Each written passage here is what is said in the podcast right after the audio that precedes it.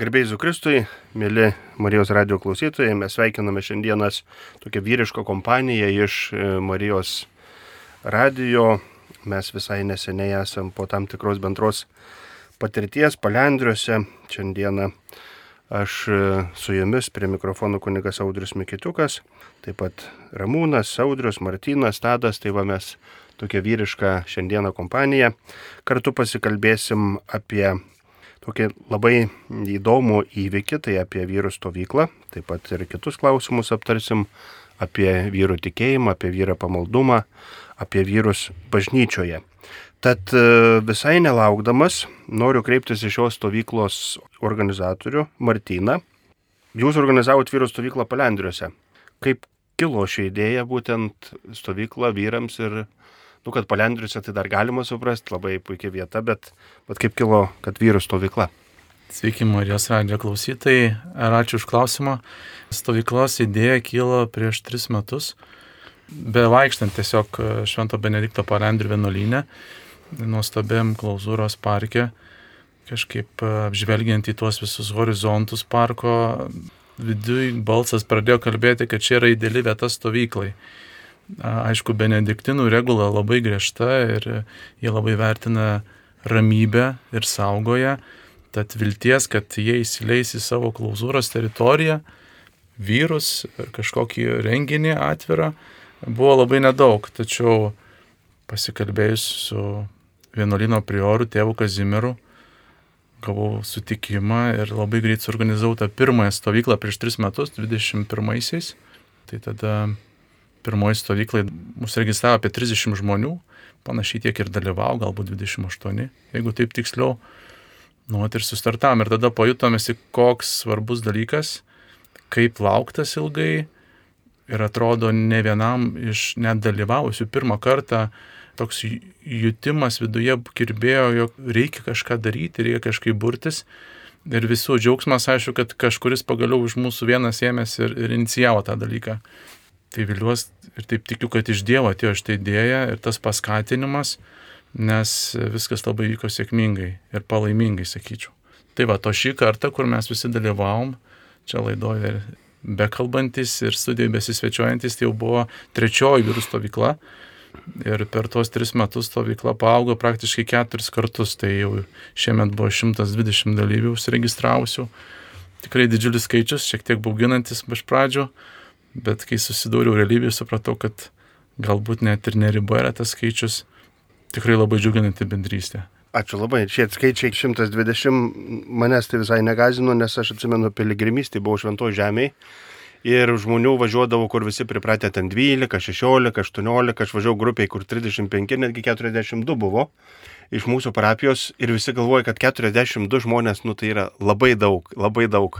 Bet ne, jeigu gerai viskas organizuota, visi viską žino, labai aiškiai pateikta informacija, tai aš būdamas toj stovyklui tikrai nepasakyčiau, kad tai buvo daug.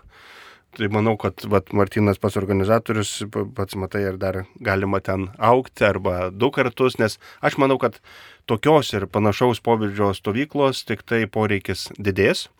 Ir man būnant tos stovyklos, aš pirmą kartą gyvenime buvau stovykloje, realiai nelabai atsiminčiau, kad esu buvęs kur nors kitur. Tai aš pagalvojau, vad kaip reikalinga būtų, vad dar pažaislis yra ta vieta, kur galėtų vykti stovyklos, nes pažaislis turi labai daug teritorijos. Mhm. Galėtų būti čia vyram ir moterim. Grinai, vad, kad kažkas imtųsi iniciatyvos ar pažaislio vienuolės, ar kažkas, ar šiaip iniciatyvios moteris bažnyčioj, kad kaip čia yra vyrams, būtent e, šitą stovyklą. Tai vad, kad būtų moteriams, nes moterų pasaulis sudėtingesnis. Jos daugiau turi tokios kančios, jautrumo, sužeistumo. Tai vad, su, su labai gerais dalyviais ir kalbėtojais manau, kad šita stovykla pastarnautų ir jų psichologiniam ir augimui, ir dvasingumo augimui. Na, taip pat e, kartu su mumis šiandieną yra ir vyrai, šios stovyklos dalyviai, kurie, aišku, kaip supratau, visi jau trečią Ne, gerai, išsiaiškinsim kelintą kartą, bet jau pabuvojo šitoje stovykloje ir labai norėtųsi paklausti Ramūno, kaip atsitiko, kad jis e, surado šitą stovyklą, kaip atsitiko, kad turėjo drąsos e, į ją užsiregistruoti, atvykti, na ir žinoma, bus įdomu išgirsti visų, kokios patirtis ir kokie įspūdžiai. Ramūnai. Taip, sveiki. Tai istorija apie, apie tą norą Ir, ir, ir tas siekiai sudalyvauti stovyklai gimė prieš metus, kai vienas iš mano pažįstamų, beje, jisai ir šiemet dalyvavo, taip pat mano bendravardis Ramūnas Facebook'e pasidalino apie, apie šitą stovyklą. Aš perskaitęs, pasidomėjęs, užsidegė man širdis ir noras ten nuvažiuoti tik tai ir, ir sudalyvauti. Tai vat visus metus laukiau, nu, beveik visus metus. Aišku, keliai truputį susitikau su Martinu ir, man atrodo, greičiausiai iš pirmų lūpų vos negavau kvietimą registruotis, tuo pasinaudojau, taip atsidūriau čia. Tiesiog. O kaip jūsų įspūdžiai? Ramūnas pirmą kartą šiame dalyvavo. Aš jau pirmą kartą šiame dalyvavau. Daug, daug tų tokių patirčių, tokių kažkokių pastebėjimų, kas krito širdin, nežinau, ar dabar dalinamės. Pirmiausia, nustebino tas pa, pačią pirmą dieną atvykus. Atvažiavau ne vienas, dviesi iš Kauno su, su, su vyru kitu, kurį Martinas parinko. Atsiuntė jo adresą. Suvedė tiksliau mus. Suvedė. Atvažiavam šiek tiek gal anksčiau, nes buvo dar nedaug vyrų, dar dešimt gal nebuvo suvažiavus ir paskui pradėjo važiuoti. Tai tikrai buvo, galvojau, kur čia mes visi būsim, kur čia eisim, kas čia kur bus. O paskui, kada jau, tarkim, dabar iš šiandienos perspektyvos, tai nežinau, taip viskas švelniai ir galutiniai tarsi sviesto patepta vyko, kad ir pati programa, ir ta visa vyrų masė ne, ne, nesijautė, nespaudė, ne, ne, nevaržė, kitaip tariant. Nes visi, visi su vienu tikslu, manau, atėjo čia vis tiek vyrai turintys tikėjimą, lankantis bažnyčią. Sakau, ir, ir programa buvo taip sudėliota, kad sakau, nebuvo laisvo laiko, bet tuo pačiu ir buvo laisva šiek tiek. Neperkrauta ir neperspausta. Tikrai įspūdis dar, dar šiek tiek rusena širdį. Netiek daug čia, man kiek antrą savaitę eina po stovyklas. Nežinau, visiems rekomenduoju kas, kas turi tikėjimą, kas turi norą tikrai atsigauti ir ypač po, po, po to vadinamo pasaulio, pasaulio bėgimo rutinos, atsigauti, palisėti ir patirtą vienybę su, su vyrais, vyrais tikėjime. O Ramūnai pirmą kartą buvai palendriuose aplamai? Ir palendriuose tai pirmą kartą buvau. Koks tas įspūdis pirmą kartą atvažiuoti į tą benediktinų dvasę? Skiriasi nuo kitų vienuolynų, galbūt esi lankęsis taip, kad būčiau vienuolynė gyvenęs, tarkim, ne, ne, ne vienai dienai atvažiavęs ten trumpam mišiom ar, ar, ar panašiai, tai pirmą kartą. Ta ramybė, vėlgi ta, ta pati ramybė pačioje ir, ir tiek bažnyčiai, tiek bendravime su, su vienuoliais, matosi ir vėlgi didelė teritorija, ne, nemaža tikrai teritorija, jiem kryžiaus kelia 4 km pakrašys, tai galima įsivaizduoti kokia ta teritorija, bet viskas sutvarkyta, viskas sužiūrėta ir kaip broliai vienuoliai pasakė, kad į dieną skiria tik tai 4 valandas darbam. Tai tikrai, nežinau, čia be Dievo pagalbos taip, ne, ne, taip nevyksta. Na, juos gelbsti dar tai, kad jie du darbininkus samdo. Tai, net du. nu, net du darbininkus jie samdo, tai tas geriau, kai juos pagelbė. Taigi, malonu išgirsti įspūdžius. Man pačiam iš tikrųjų įspūdžiai labai tokie šviesus tokie, nu, tiesą pasakius, važiavau tai kažkaip kaip ir atidirbti į darbą, bet e, paskui kažkaip įsijungėm ir tą programą, tai grįžau, tiesą pasakius, nei, nei labai aš ten atidirbęs, kiek pats pabuvęs stovykloje, patyręs vyrų bendrystę, iš tikrųjų labai nuostabus e, kai kurie potyriai. Vat sekmanį vienas iš stovyklos vyras buvo bažnyčioj, su kitu susibičiuliavom, jau kalbėjom apie vedusių diekunatą su vienu iš stovyklos dalyvių, paskui sekmadienį su vienu apsitarėm, kad ateis patarnauti mišiom ir, ir skaitinių skaitys. Ir netgi penktadienį va, esu pakviestas į gimtadienį, vienu ja. žodžiu, tai, tai vaisiai. Vaisiai pilasi. Vaisiai pilasi ta bendrystė, kuri neliko palendriuose, bet kuri persikėlė ir į bažnyčios gyvenimą, ir, ir asmeninius gyvenimus. Tai tikrai labai man buvo puikia patirtis. Taigi, mano bendravardis Audrius Taip pat labai malonu būtų išgirsti, iš kur esat ir kokia jūsų patirtis bažnyčio arba tikėjime ir kaip jūs papuolėt į šitą vyro stovyklą palendriuose. Tai aš e, šiemet buvau antrą kartą, esu iš pakruojo.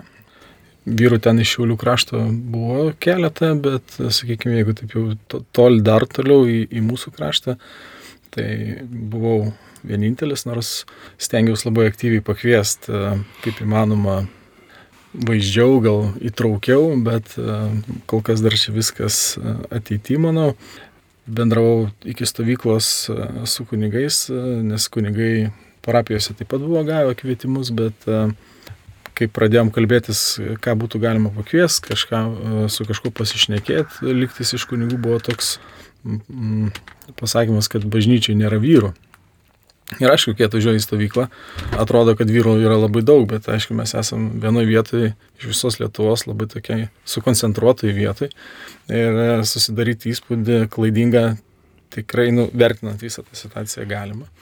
O kalbėti apie tikėjimą, tai e, mano asmeninė patirtį aš nuo, nuo vaikystės bažnyčiai e, patarnavęs, kažkada tai buvo tokių minčių stoti į seminariją, bet e, turėjau artimų draugų kunigų, kurie mane, galima sakyti, taip labai atkakliai atkalbinėjo. Na, o dabar, kai viską žiūriu, tai gal ir gerai. Turiu tris vaikus, su žmona auginam tris atžalas ir į stovyklą iš tiesų, iš tiesų atvedė e, ilgas kelias. Čia ir stovykloje dalyvavęs pranešėjas Balkauskas minėjo, kad dažniausiai, dažniausiai kažkokios mūsų krizės atveda į kažkokius tai dalykus, tai tas ilgas kelias, galbūt aktyvesnis sugrįžimas į didesnę praktiką buvo irgi per krizės. Po vienų mišių, eilinę dieną, prie, prie manęs priejo parapijos klebonas ir sako, galbūt jūs su žmona norėtumėt pasavanoriauti sužadėtinių kursus vest. Tuo metu dar aš nesupratau, kas čia vyksta, bet, bet po to truputėlį taip atsitraukus, tai tikrai buvo ta tokia valtis, nes tuo metu buvome krizėje su, su žmona. Ir besirašant vesi tos kursus, buvo seminarų, buvo, buvo daug susitikimų, supervizijų ir tai mums leido išspręsti šeimininės aktualijas, tas, tas problemas. Na ir aš pirmą kartą, prieš, mano buvo čia antra stovykla, tai aš pirmą kartą pamačiau Facebook'e pasidalinus Lietuvo šeimos centro vadovę Violetą. Man tapo labai viskas aišku, kad jeigu jinai dalinasi kažkokią tai stovyklas anonsų, tai vadinasi yra tikrai geras dalykas. Užsiregistravau, paliko labai gilų, gilų pėdsaką, aš po to į Polendrius grįžau dar prieš Velykas šiemet, asmeniniam rekolekcijam, taip pat atvažiavau ketvirtadienį, išvažiavau sekmadienį, lygiai taip pat kaip ir va šitą stovyklą yra organizuojama. Ir aš jau žinojau praeitais metais, kad aš tikrai sugrįšiu, nes man labai, man labai patinka, kad Martinas va, turi nusistatęs datą, trečią rūpiučio savaitgalį susitikti, tada aš net ir susiplanavau savo atostogas, šeimos visas atostogas, kad aš galėčiau būti vyrų stovyklai. Tai man iš po pernai metų padėjo su porą nuodėmių susitvarkyti. Aš atvažiavau gyvas praeitos stovyklos patyrimais. Ir aišku, atvažiavau daroti su, su savyje esančiam nuodėmėm, tam tikrom priklausomybėm. Ir man labai kažkaip suskambėjo Martino kvietimas, na kaip tokiem jaunuoliam, paaugliam, pasidėkit telefonus ir patirkit tą malonę, kas ten įvyks. Tai vienas mano buvo pagrindinių dalykų pasižiūrėti, kaip mane veikia telefonas, na, tiesiog padėti jį į šalį ir pasižiūrėti, kaip aš elgiuosi be jo ir tuo pačiu įvertinti, kaip aš iš šalies, kai jisai šalia manęs yra, ką aš galvoju ir, ir kaip elgiuosi. Ir čia vėlgi toks puikus dalykas, kad aš susitikau, mūsų grupeliai buvo italas vienuolis, su kuriuo mes ten praplepėjom šitą temą, na, diskutavome, gilinomės į tą temą dviesi visiškai, kelias valandas ištirpo laikas visiškai, ne, ne, nesupratom nei kiek laiko mes kalbam apie tai, nes atradom tą bendrystę šitoj vietoj, kad ir bandėm rasti tą, tą šaknį, kaip, kaip čia viskas vyksta. Būtų tiek, nes čia galima būtų individualiai dvi valandas ar dar daugiau šnekėti. Šiaip mano vaikas yra gražus dalykas, tai kad į stovyklą žmonės, tiksliau vyrai, atvažiuoja lydimi. Tai labai dažnai atveža žmonos vyrus, taip atrodo, kaip, kai vaikus į darželį tėvai atveža, paleidžia, tai čia taip labai gražiai priveža žmonos, išleidžia vyrus, atsisveikina, pabučiuoja ir išvažiuoja. Tai e, audriaus atvejs yra dar išskirtinesnis, nes jį praktiškai visa šeima atlydi, ne tik žmona, bet ir vaikai atvažiuoja pasitikti po stovyklas, tai man toks grožis ir toks žavesys yra, kur tikras džiaugsmas. Tai taip pat labai įdomu vat, būtų išgirsti kad tu degi noru keliauti, tai labai fain ir gražu, o ką žmona, ką tavo vaikai, jie ką klausia, ką vaikams sakai, kur čia dabar tėtis keturias dienas išvažiuoja kažkur. Kai vaikai supranta, kas čia vyksta.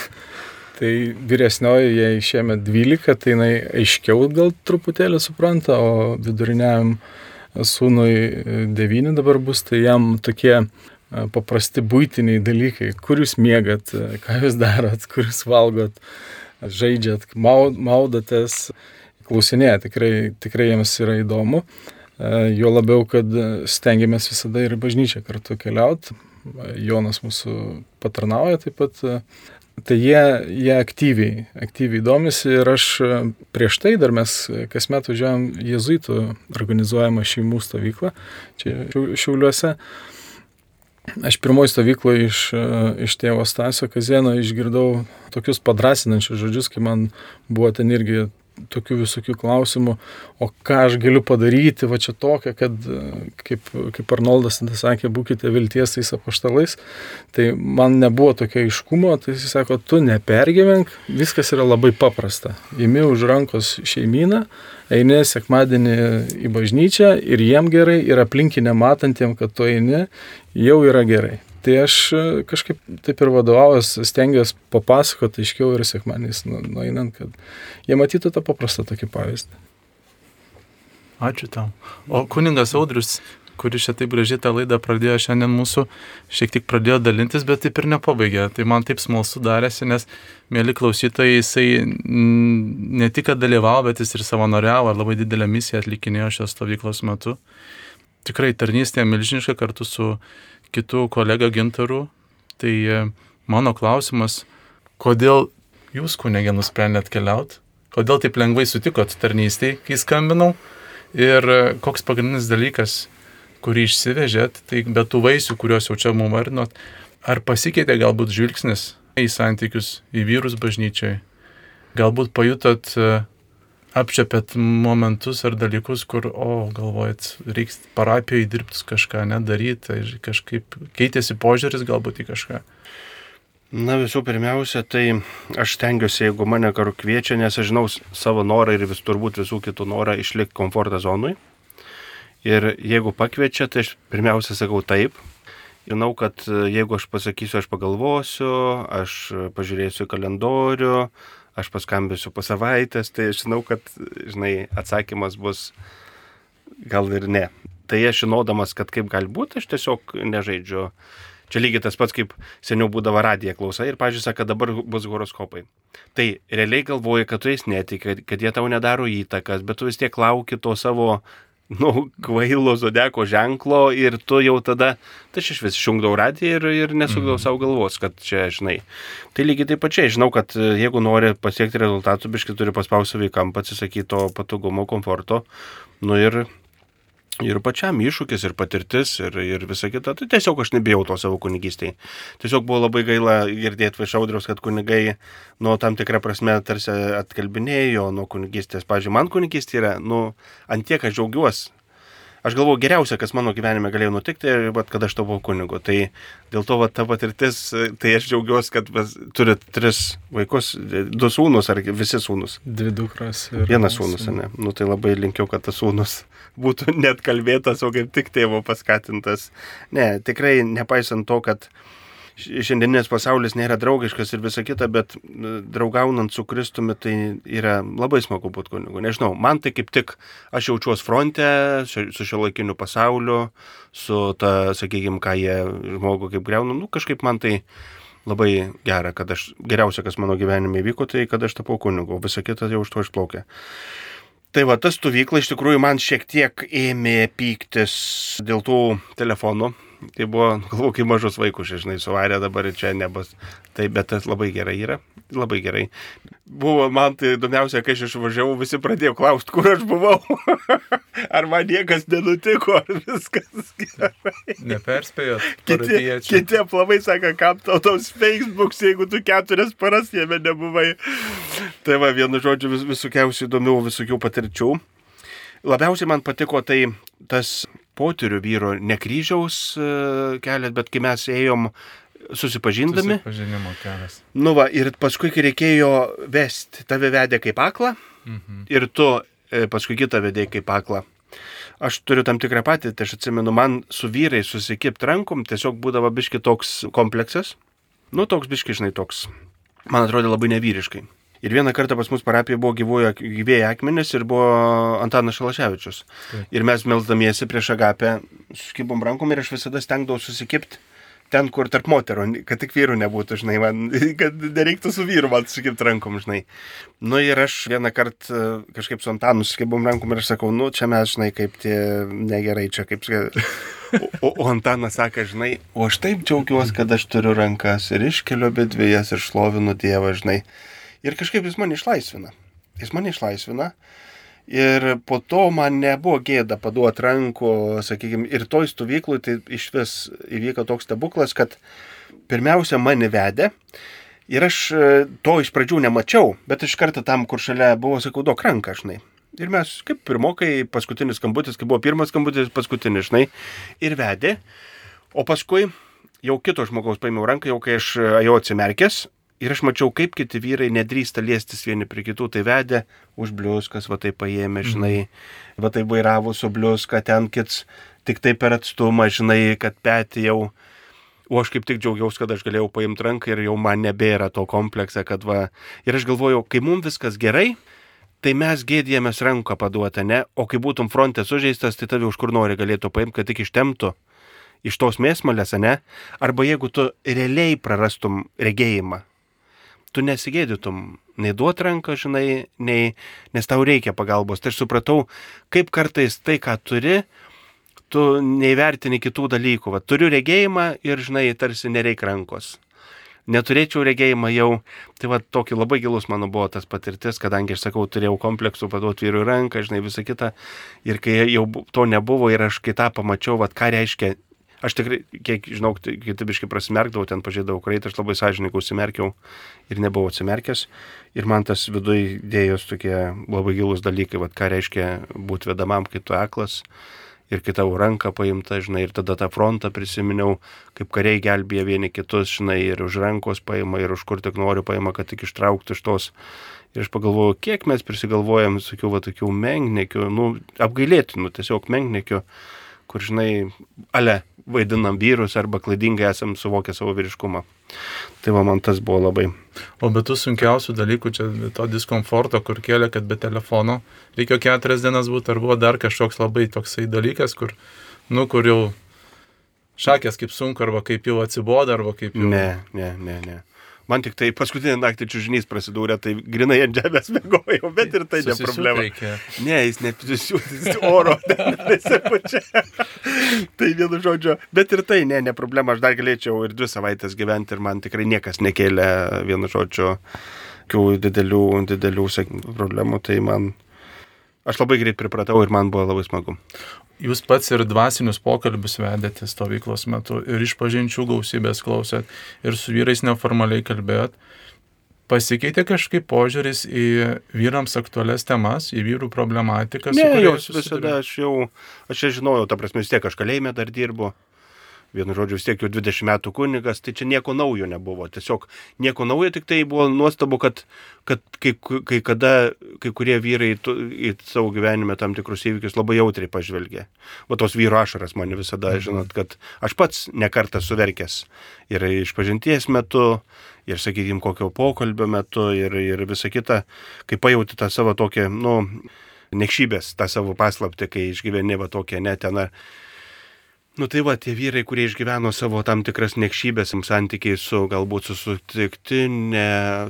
Ir tas pasidarėm Dievo vaiku, žinai, ir, ir tos e, atgailos ašaros, tai tiesiog buvo labai gera, kad galėt prie to pasitarnauti ir, ir prisiliesti. Tai bet mes turim tada. Tadas jau sėdi pusę valandas ir galvoja, nuklausykit, ką jūs čia išdarinėjate. Pastebės mane. jo, čia pastebės.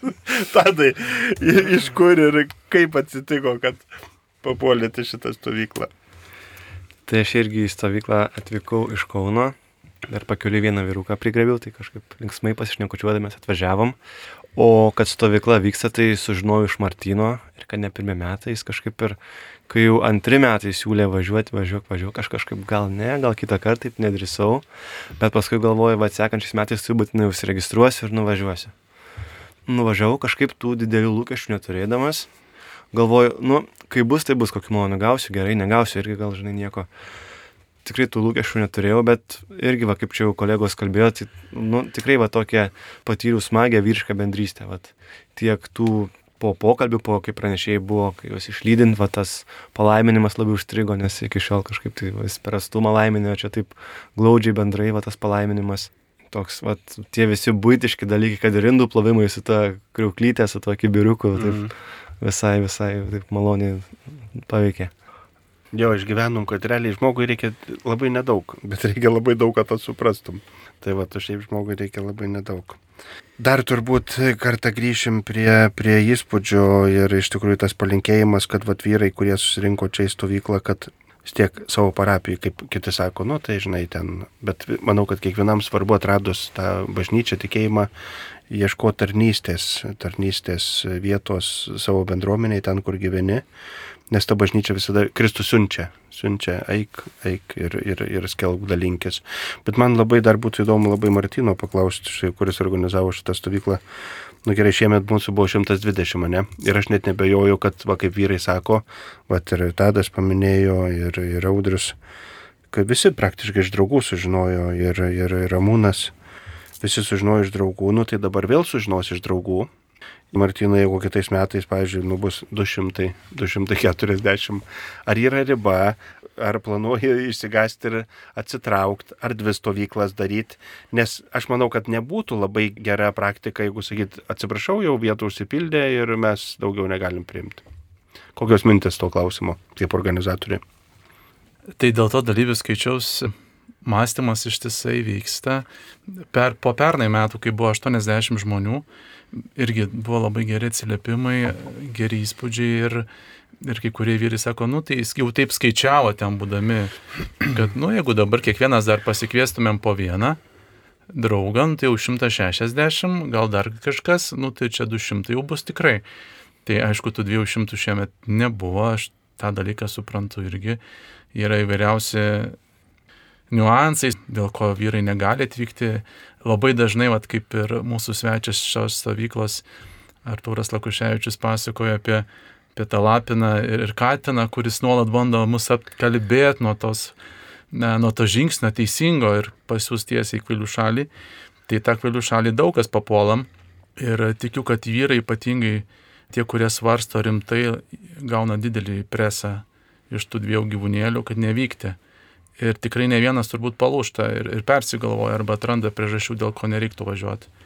Ką puikiai rodo, kad šios stovyklos metu sąraše buvo 120 žmonių, per paskutinės dvi dienas atsisakė turbūt mažiausiai penki e, tiesiog pradėjo atsisakinėti. Tai gerai, kad aš turėjau rezervę žmonių, kurie norėjo papulti stovyklą, tai greitai tas vietas bandėm tiesiog užkamšyti. Tai tą dalyką operatyviai pavyko sukoordinuoti.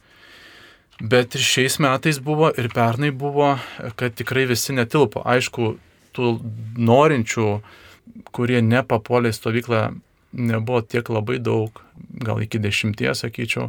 Bet yra žmonės, kurie, nu, praktiškai paskutinę akimirką paskambina iš vakaro dažniausiai arba prieš dvi dienas. Ir kada tu jau jam nelabai gali kažko padėti, nes, nes yra tiesiog techniniai dalykai, kurie yra apskaičiuoti tam tikram žmonių skaičiui ir tu negali tos stovykla, nu jinai kartu, nors ir plotai palendrių didžiuliai, bet vis tik pat, pati stovykla iš organizacinės pusės nėra guminė ir tu turi tilpti tam tikrus rėmus. Ten viens, du žmonės į vieną ar kitą pusę problemos nedarytų, bet jeigu taip suvažiuotų plus 10 ar plus 20 neplanuotai, tai tada susidurtumėm su paprastais tiesiog dalykais. Dėl maisto kiekiais, tualetais ir kitais reikalais. Tai, tai tą dalyką suprasdamas tą skaičių bandau reguliuoti, o dėl kitų metų Oi, tai a, dabar aišku negalvoju, ateis laikas, reikės pradėti galvoti.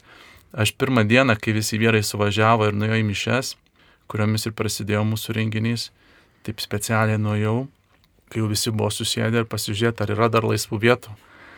Ir taip pasižiūrėjau, kad nu tikrai dar yra, kur tiem vyram atsisėst. Tuo labiau broliai paskui jau pradėjo kėdės statyti papildomai.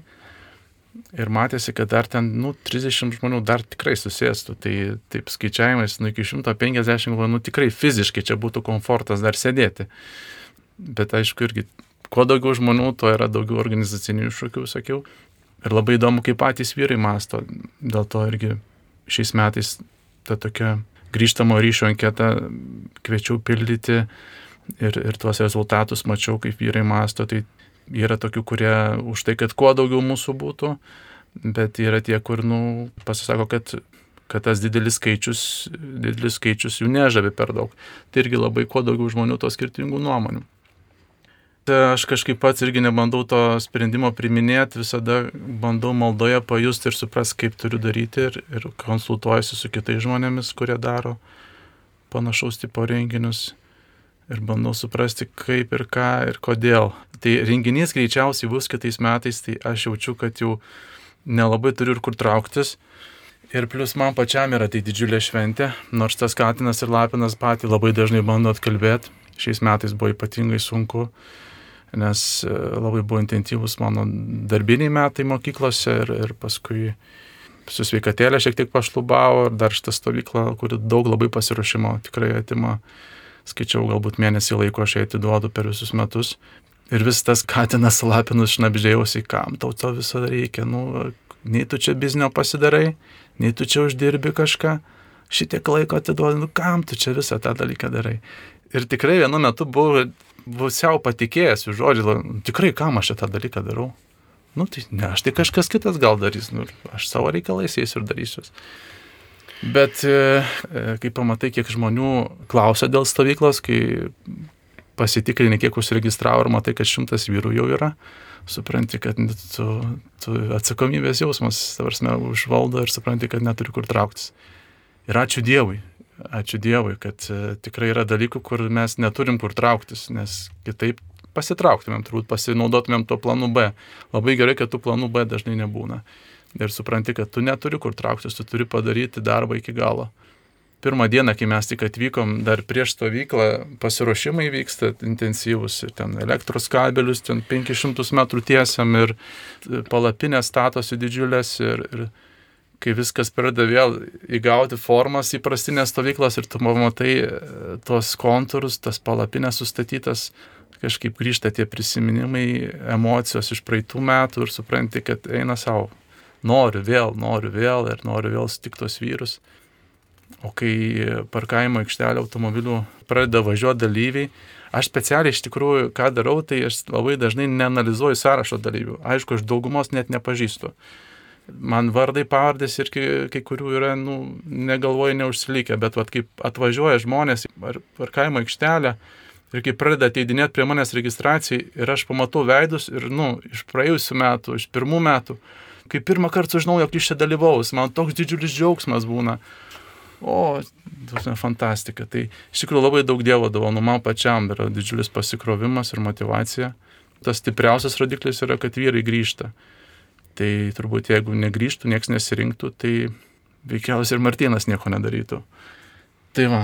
Ačiū. Ačiū labai už pasidalinimą, nes aš tai tikrai palinkėčiau neįsigasti, bet galbūt reikėtų surasti va, vieną ar du žmonės, kurie taip pat nu, prisimtų dalį atsakomybės už uh, organizacinę. Aš tikrai gyvenime nekartą esu organizavęs įvairiausius renginius, ar ten kokią atsinaujinimo dieną, ar kokią evangelizacinę dieną. Ir pasidalini kiekvienas atsakomybėm, vieną sferą, kitas kitą sferą, ten kas kart vis apsitari ir tikrai nebūtų tai baisu.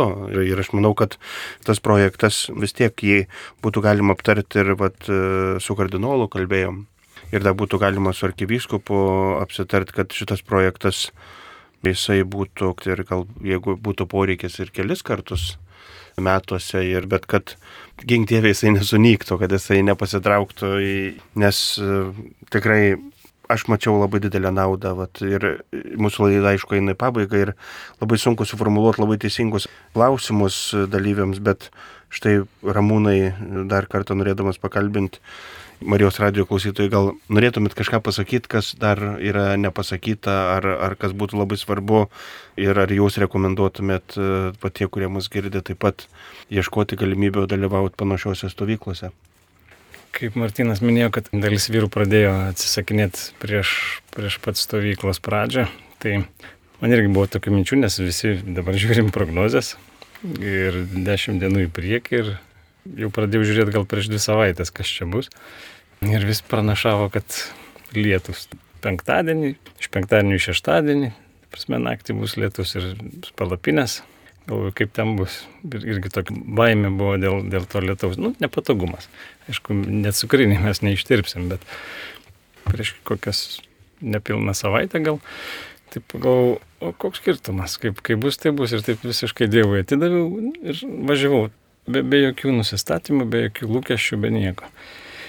Tai tas tikrai pasiteisino, nes atrandi mažuose dalykuose, atrandi kažkokį tai stiprybę, tą Dievo, dievo tą ženklą, kuris nori parodyti. Tai pirmos mišios, kai buvo, e, nors broliai vedė latinų kalbą, bet tam tikri tekstai buvo skaitomi lietuvių ir e, atliepas buvo lietuvių kalba.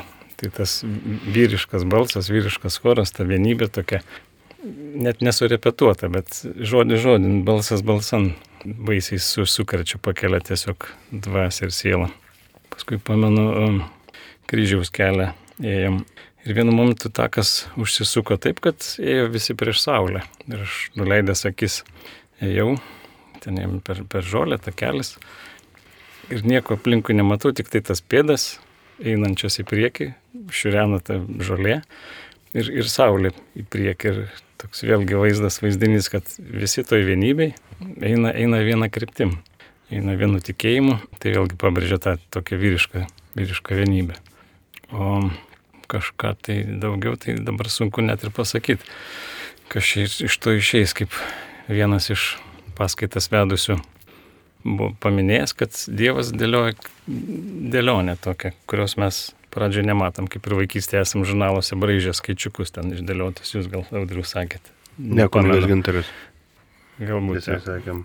Tai va, aš irgi tikiu, kad dar nežinau, dar kažko nejaučiu visko, bet aš manau, kad tai yra dar vienas skaičiukas dėlionį, dar vienas brūkšnelis nubrauktas, kurį aš pamatysiu galbūt po metų, galbūt po pusės metų, gal po mėnesio galbūt dešimties metų, bet tas tikrai iš, iš, išlys. Tai vien pamatyta vyriška vienybė, vyriška malda, vyrišką apsikabinimą ir vyrišką laiminimą prie kryžiaus.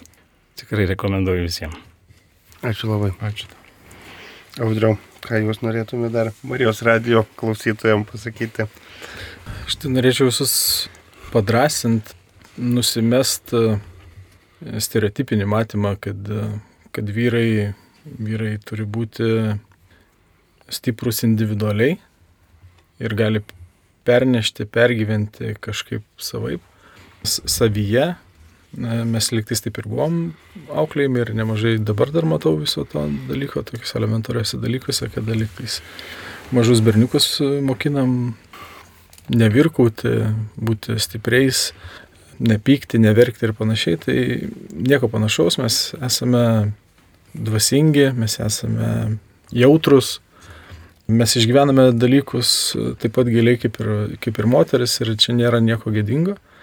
Jaučiau, kaip kiekvienas vyras atvažiavo su savo neatsakytais klausimais, su savo žaizdom, su savo ieškojimais. Ir grupelėse, kai pasidalina vyrai labai jautriais dalykais, patvirauja nuo savo kriminalinės praeities iki savo lygų nepagydomų, tada supranti, kad e, tu esi tam, kad e, jam padėtum, o jisai yra tau, kad jisai yra, kad man padėtų. Mes vienas kitam ten padedam.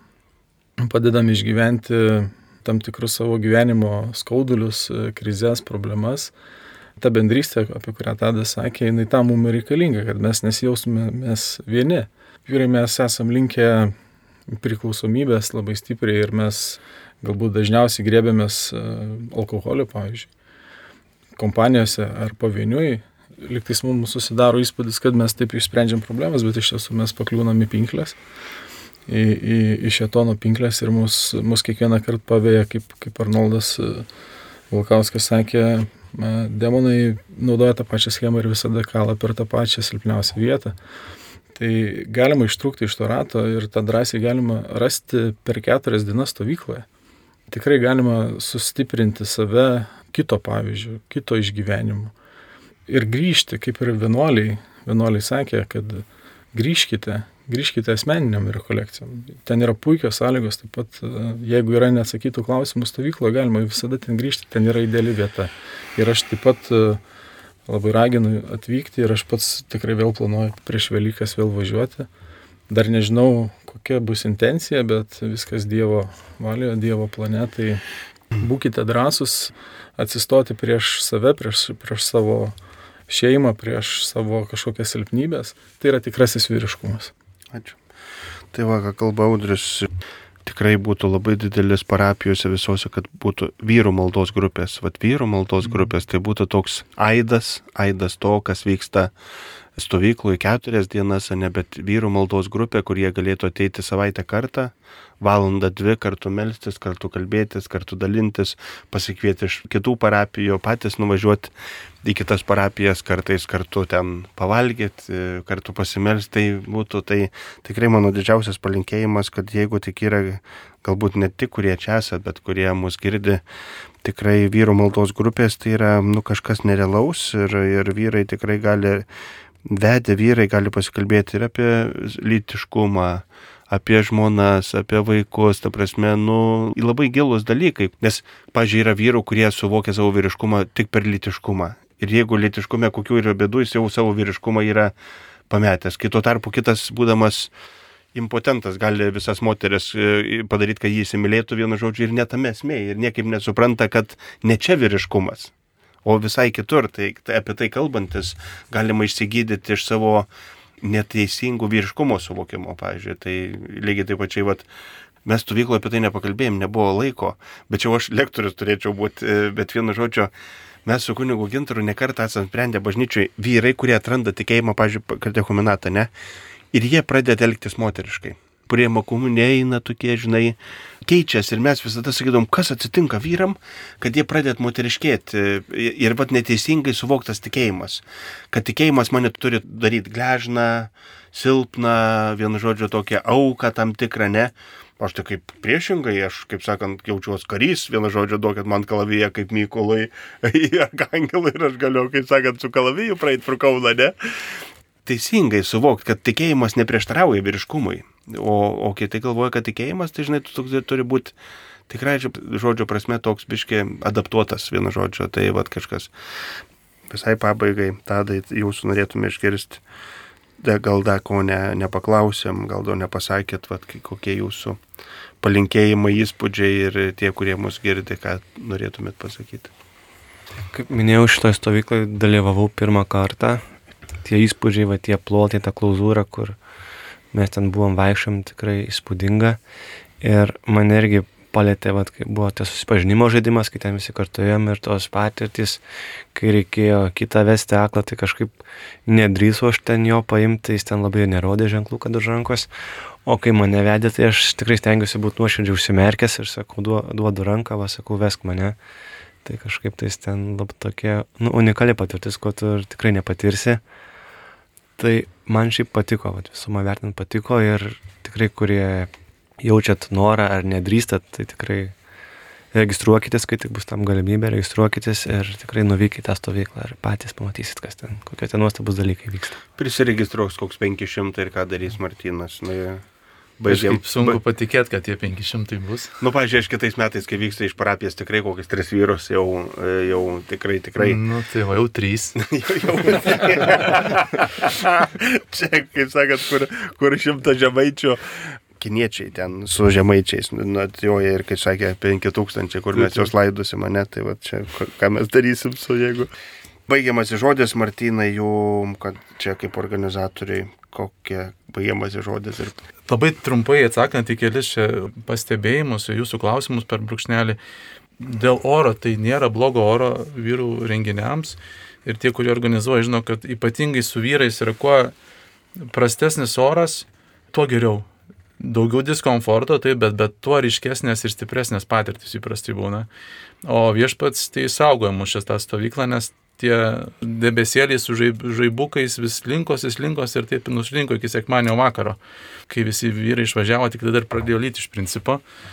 Dėl pagalbos labai atviras esu pagalbai, tai kviečiu visada ir, ir, ir savanoriauti, ir prisidėti organizuojant.